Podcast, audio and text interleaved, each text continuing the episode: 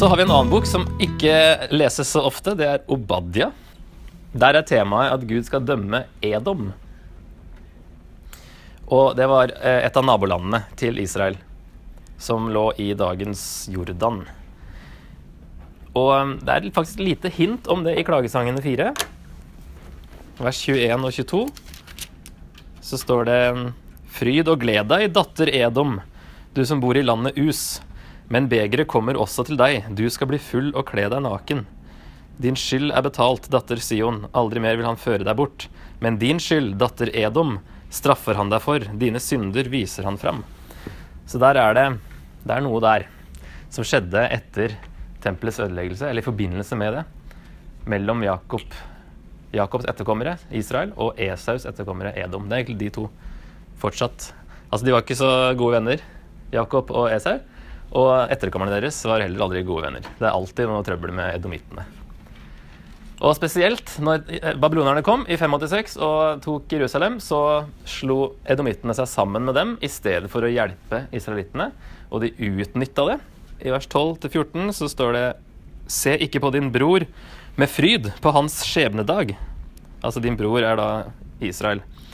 Gled deg ikke over judeerne den dagen de går til grunne. Vær ikke stor i munnen den dagen de er i nød. Gå ikke inn gjennom mitt folks port på deres ulykkesdag. Se ikke med glede du også på det onde som rammet dem på ulykkesdagen. Grip ikke etter rikdommen deres på ulykkesdagen. Still deg ikke i veikryssene for å hogge ned flyktningene. Utlever ikke de overlevende på, død, på nødens dag. Så det høres ut som det er det de har gjort, faktisk. Um, eh, slått seg sammen og tatt, utnytta det her. Tjent på det og faktisk hogd ned flyktningene, til og med. Så grunnen gis i vers 10. På grunn av drap og vold mot din bror Jakob skal du dekkes av skam.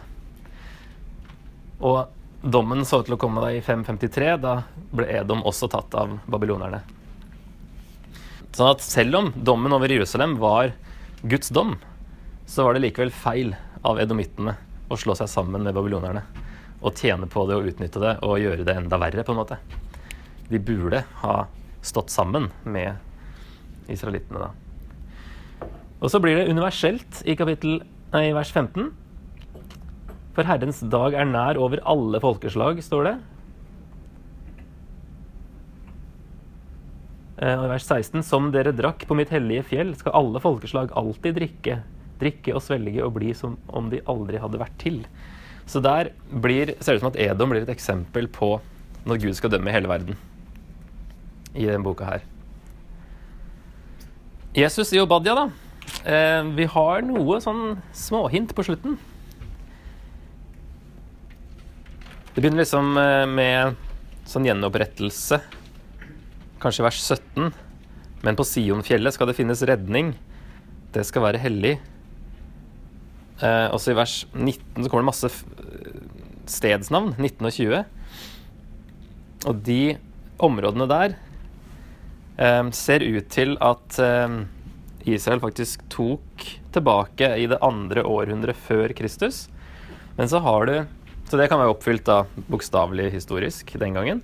Men så har du også siste verset, at riket skal tilhøre Herren. Som vi vet at Guds rike kom for alvor da Jesus kom. Og at de fysiske landområdene her som beskrives, at de på en måte peker fram mot at hele jorda en dag skal tilhøre Gud.